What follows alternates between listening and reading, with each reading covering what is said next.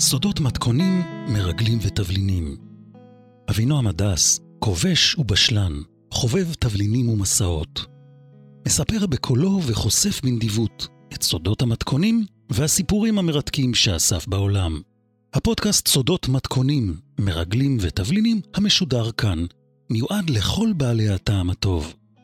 להרפתקני מטבח שואבים תבשילים, מעדנים וכבושים טעימים. מלוכים, חמוצים, חריפים ומתוקים. לבעלי דמיון ומעוף שואבים רטבים מיוחדים, מנות מפתיעות ומשקאות שעושים שמח על הלשון ובפה. הכל מוגש כאן, בגלוי, בכלים נעים ובנדיבות גדולה. אגב, עובדות ושמות שונו כאן כדי להגן על הגיבורים, אבל המתכונים מדויקים. האזנה נעימה ובתיאבון. פרק ג' בפרק נדבר על אירועים פליליים מוזרים שהתרחשו אז בעיר נפולי. בחודשים הבאים, אה, אחרי הנסיעה המשותפת שלי, אתה זוכר, עם ליאונרדו בלילה ההוא, בכל אופן ככה מספרים, התרחשו בנפולי אירועים שונים בהקשרים פליליים. חלקם היו התרחשויות ממש בלתי מוסברות ודי מוזרות. על פי השמועה, המון כסף מזומן נעלם שם. רק יודעי דבר היו יכולים לשרטט את הנושא המקשר, שהוא כסף מזומן בתיקים, לשרטט את הפס שעבר כחוט השני באירועים האלה, ממש כמו עיפרון של ילד, אתה יודע, שמחבר נקודות לכדי ציור שלם. זה היה ציור ששרטט גם את דיוקנו של אל סמיר הזמיר, ומנגנון הכספים והבלדרים שהקיף אותו, וגם את התעלומה. אני מזכיר שמעורב כאן גם איש ביון איטלקי חובב ישראל, רוטב חריף לפסטה, מעורב כאן גם אדם מסתורי שנוהג ביגואר לבנה, ומתכון למרק סלק. אני מזכיר גם מעורבות של יפיפייה אחת בלונדינית שדיברה אנגלית מושלמת, ובזכות המבטא שלה, ייתכן שהייתה בריטית, שהיה לה תפקיד קטן, אבל היה לו השפעה גדולה מאוד גם על סמיר וגם על הסיפור כולו. אגב, למאזינים אני אומר, בבקשה, תעשו מנוי, בסך הכל תעשו קליק קטן על הסימן, ככה שתקבלו כל פעם הודעה, כל פעם שעולה פרק חדש, וכמובן אני אומר למאזינים, תודה על ההאזנה. אוקיי, נמשיך. אנחנו, כזכור, אי שם בתחילת שנות ה-80, בעיר נפולי, העיר היפה הזאת בדרום איטליה. בשבוע הראשון של יולי באותה שנה, בה הכל קרה, זו הייתה תחילת uh, חופשת הקיץ, מספרים שמכונית סחורה של זוג תיירים בלגים התנגשה במכונית מרצדס שחנתה כחוק ברחוב אוגוסטינו, מעבר למעבר החצייה. התאונה הזאת הייתה ממש מול סניף בנק יהודי קרדיט, קרוב לכיכר ג'ובאני בוביו, שבסמוך למאה של נפולי. אתה שומע? תראה. לדברי עדי ראייה, מכונית התיירים שחנתה קודם ממול ליד העצים שבצמוד לבניין הזה בין שלוש הקומות, המכונית הזאת של התיירים נסעה לפתע אחורה בפראות בצורה ממש לא ברורה. היה נראה כאילו הנהגת הבלונדינית שנהגה את המכונית הזאת של התיירים איבדה את השליטה, כאילו היא לחצה בטעות, אתה יודע, על הדוושה של הדלק במקום על הדוושה של הבלם. אחורי מכונית התיירים פגע בדלת הנהג של המרצדס השחורה שהכנתה ומעכה אותה לגמרי. כל זה קרה בערך 2-3 דקות אחרי שנהג המרצדס, גבר בערך כבן 40 עם שיער כאב ושפם גדול, יצא מהבנק והתיישב במושב הנהג והניח על ידו איזו מזוודה קטנה בגודל בינוני. המכה שמכונית התיירים נתנה במכונית המרצדס גרמה לזה שהנהג נשאר לשבת ללא תנועה, הראש שלו היה שמוט מעתה אל חזהו, הוא היה דחוס כנגד כרית האוויר שהתנפחה בגלל התאונה ולכדה אותו בכיסא. הוא ישב שמוט ולא זז. הנוסע ממכונית התיירים אחרי הפגיעה, זינק החוצה מהמכונית הפוגעת, והיה נראה שהוא ממהר לבדוק את המצב של הנהג שנפגע. אבל במקום זה, למרבית הפליאה, הוא שלף דרך החלון המנופץ את המזוודה הקטנה שהייתה מונחת על הכיסא אה, ליד הנהג, וחזר איתה בריצה אל המכונית ממנה הוא יצא. וזאתי, המכונית של תיירים, דהרה מיד דרומה לאורך רחוב קורסו אומברטו, פנתה שמאלה ליד הכנסייה הגדולה, ונעלמה בתוך שניות. לתוך סמטאות העיר העתיקה. מעניין שבערך 4-5 דקות מאוחר יותר הגיע למקום שוטר רכוב על אופנוע, ומה שדיווחו זה שהנהג, הפצוע והמבוהל, סיפר לו על התאונה, אבל לא הזכיר אפילו במילה אחת את המזוודה שנגנבה ממנו, זה היה מאוד מוזר. אחר כך, בדוח של המשטרה נרשם שהמכונית הפוגעת, אבל ללא התיירים, התגלתה, התגלתה למחרת נטושה ליד uh, טורו דל גרקו, המגדל היווני, דרומית לעיר, שהחזית שלה מופנית לכיוון, לכיוון פומפיי. המפתח היה על המושב, המנוע היה כבוי, שום חפץ, שום חפץ לא נמצא במכונית. המכונית הזאת נגררה לתחנת המשטרה וחנתה שם עוד כמה ימים, עד שחברת ההשכרה באה ולקחה אותה. זהו, ככה זה התחיל וככה זה נגמר. הלאה, עוד מקרה מוזר. ביומן משטרת נפולי נרשם בחודש יולי באותה שנה על אירוע חמור, בו על פי עדי ראייה, אופנוע כבד עם שני רוכבים נצמד אל הדופן השמאלית של מכונית פז'ו 504 לבנה שעמדה ברחוב מול המסגד של נפולי. המכונית, הפז'ו, התכוונה לפנות ימינה, לכיוון השוק. נרשם בדוח ששני רוכבי האופנוע היו שני גברים, היו לבושים בבגדים זהים, לשניהם קסדות שחורות בעלות כיסוי פנים. הנוסע האחורי של האופנוע, כמו שהאופנוע נצמד אל הפז'ו, השחיל יד דרך החלון, את היד הימנית שלו, ועליה סיפרו שהיה מולבש איזה סוג של אגרופן ממתכת. נראה שהאיש הזה היכה את הנהג בפז'ו, כי אמרו שראו אותו מניף את היד כמה פעמים. מהפז'ו נשמעו הנחות הפתעה וכאב. אמרו אחר כך ששני יושבי המכונית נשמטו אחד על כתפי חברו ונראה שאיבדו את הכרתם. העדים גם סיפרו שהנוסע ירד מהאופנוע, היה לו מוט פלדה קצר ביד, הוא פרץ בזריזות ובמומחיות את מכסה תא המטען של הפז'ו הלבנה מאחורה, שלף משם שני תיקי בד כחולים שנראו מלאים, תלה אותם על הצוואר שלו באמצעות הרצועות הארוכות, הלך חזרה על האופנוע וטפח בידו על כתפו של הנהג. האופנוע שהיה מונע פרץ קדימה במהירות מסחררת ונעלם לכיוון מרכז העיר. רק אחרי שלוש או ארבע דקות העיזו עוברים ושבים להתקרב לפז'ו 504 שהייתה באמצע הכביש ונותרה עומדת ללא תנועה והמנוע שלה דולק וגילו שם שגם הנהג וגם הנוסע עמומים מהפתעה ומכאב. המשטרה, שכמובן הגיעה למקום, דיווחה מאוחר יותר ששני הפצועים בפז'ו לא משתפים פעולה עם החקירה, נראה שהם בכלל נכנסו לאיטליה בלי דרכונים, כנוסעים סמויים באיזו אוניית מסע שהגיעה מנפולי לפני שלושה שבועות מדרום מערב אסיה. הפצועים במכונית, שני הנוסעים, לא ידעו להסביר לשוטר מדוע הם הותקפו, לא ידעו להגיד על ידי מי הם הותקפו, וגם לא ידעו להסביר את חומרי הנפץ ורובי הקלצ'ניקרוב שמצאו בתא המטען שלהם. הם לא הסכימו לספר מה היה בשני התיקים הכבדים, שהתוקף נטל מהם וברח עם האופנוע. הם כמובן נעצרו וכנראה שוחררו אחר כך. לפי גודל התיקים וכובדם, העריכו השוטרים האיטלקים בהלצה בינם לבין עצמם, שכנראה התיקים היו מלאים בסמים, או אם היו מלאים בכסף, בשטרות של כסף, זה היה בדולרים, הם העריכו שתכולתם הייתה מסתכמת ב-300, 400, אולי 500 אלף דולר. אבל זה היה סתם ניחוש. אוקיי, הלאה, עוד מקרה מוזר. ב... בנפולי יוצא עיתון שנקרא אלמטיאנו, שזה בעברית הבוקר. הוא יוצא בנפולי והוא מופץ ב-26 אלף עותקים אז, בשנות ה-80. הפיצו אותו בכל חבל קמפניה, חבל קמפניה, רק לצורך הידיעה, יש בערך שישה מיליון תושבים. בעיתון הזה, אלמטיאנו, הופיעה כתבה בעמוד הראשון, והכתבה סיפרה על מקרה פשע נוסף.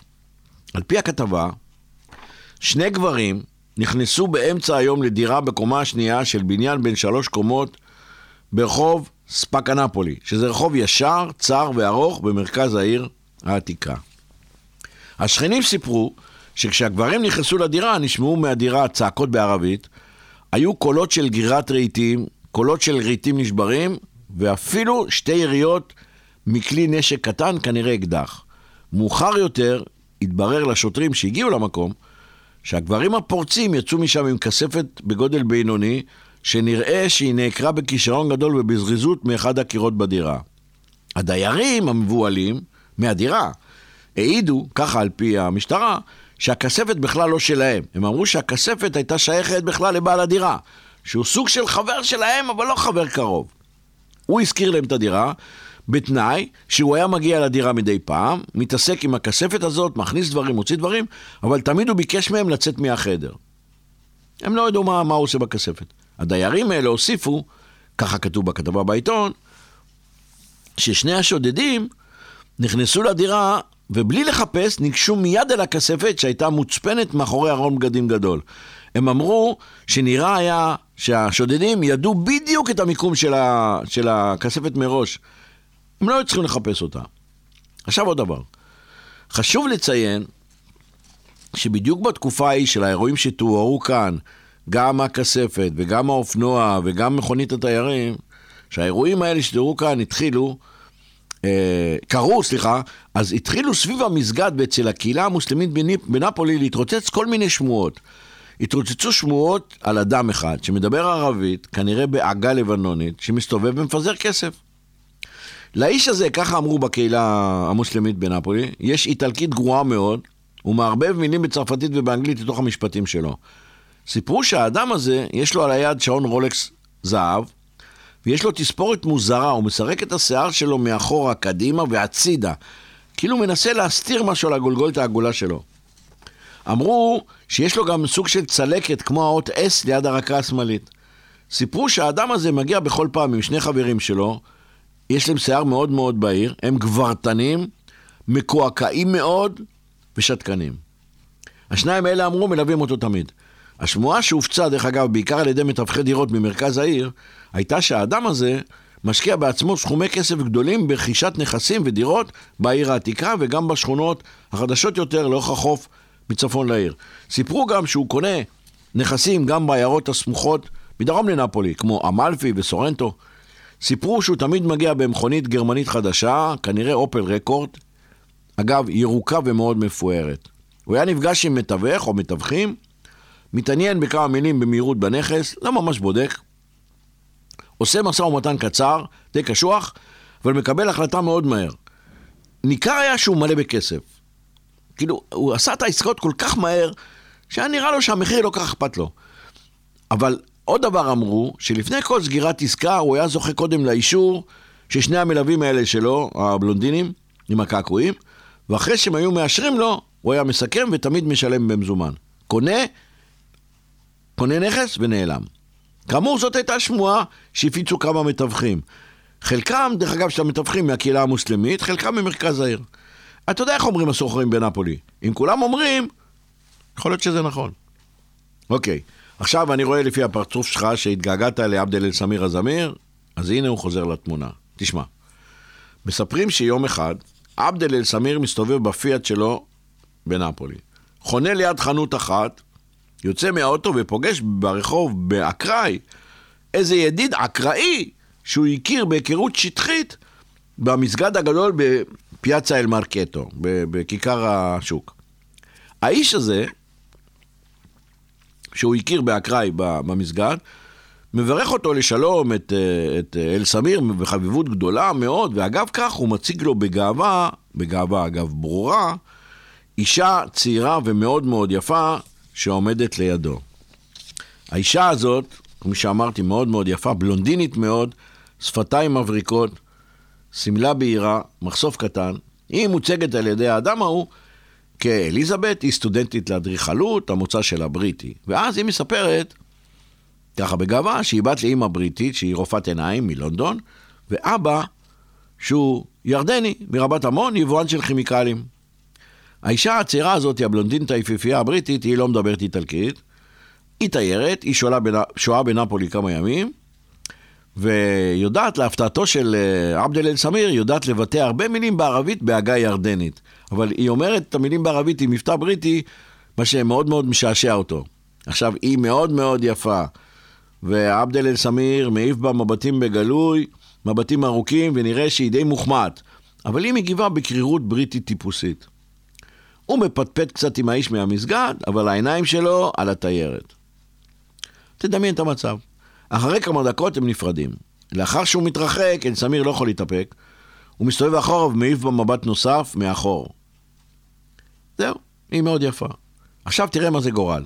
למחרת, לגמרי במקרה, בבית קפה שהוא יושב בו כל בוקר שישה בקרים בשבוע, אל סמיר מזהה להפתעתו ולשמחתו. באותו בית קפה, מי יושבת? האישה הבלונדינית היפהפייה מאתמול. היא יושבת שם עם עוד חברה בשולחן צדדי, וכשהוא נכנס, היא רואה שהוא נכנס, היא מביטה בו, והוא מתרשם שהיא חוככת בדעתה לגביו, כאילו נראה בהתחלה שהיא לא בטוחה שהיא מזהה אותו. ואז מה הוא עושה? הוא משאיר אליה מבט חצוף, מרים את הסנטר, מסיר את משקפי השמש שלו, וכעת היא מזהה אותו. אז היא מחייכת עליו חיוך קטן ומנומס, מרחוק, כן? מנפנפת לו ביד תנועה קטנה ומסמנת לו בחיוך מבויש, בתנועת ראש כזה, בוא תצטרף אלינו. הוא כמובן מתקרב בהליכה האיטית והמלאת הדר שלו, מתיישב ליד השולחן שלהם, מניח לידו את המפתחות של המכונית, את המשקפי שמש. ועכשיו תשמע, לשמחתו, החברה שיושבת איתה שם, שהיא נראתה לו אישה בערך כבת 40, היה לה מבט חמור, חמור סבר כזה, ושיער ג'ינג'י אסוף בקפדנות בריטית, היא קמה, נפרדת ממנה, מהיפיפייה הבלונדינית, מאליזבת, בלחיצת יד, ועוזבת אחרי כמה דקות. והנה לשמחתו המתגברת, הם נשארים שניהם ליד השולחן. אין שמח ממנו. ואז מתפתחת שיחה. הוא לא יכול להוריד ממנה את העיניים. היא, האמת, בריטית, מתעלמת מהמבטים החקרנים והחצופים שלו. ואז היא מספרת לו שהיא מתעניינת בעבודות קרמיקה בסגנון איטלקי ישן. משהו שקשור ללימודים שלה באוניברסיטה באנגליה. והוא מספר לה, בהתלהבות גדולה, שבדיוק בעניין הזה יש לו חברים טובים שהם בדיוק בתעשייה הזאת, ויש להם בדיוק פה בית מלאכה קטן, והם עושים מה? קרמיקה מצוירת. היכן הם עושים את זה? בעיירה אמלפי שהיא סמוכה, והוא מציע שיארגן לה מחר סיור במפעל הקטן, והיא תוכל לראות את העבודות שלהם. היא מאוד מתלהבת, והיא מספרת לו שהיא מתאכסנת. עכשיו, מה הסיכוי שזה יקרה? איפה? במלון פוסידון, שנמצא איפה? באמלפי.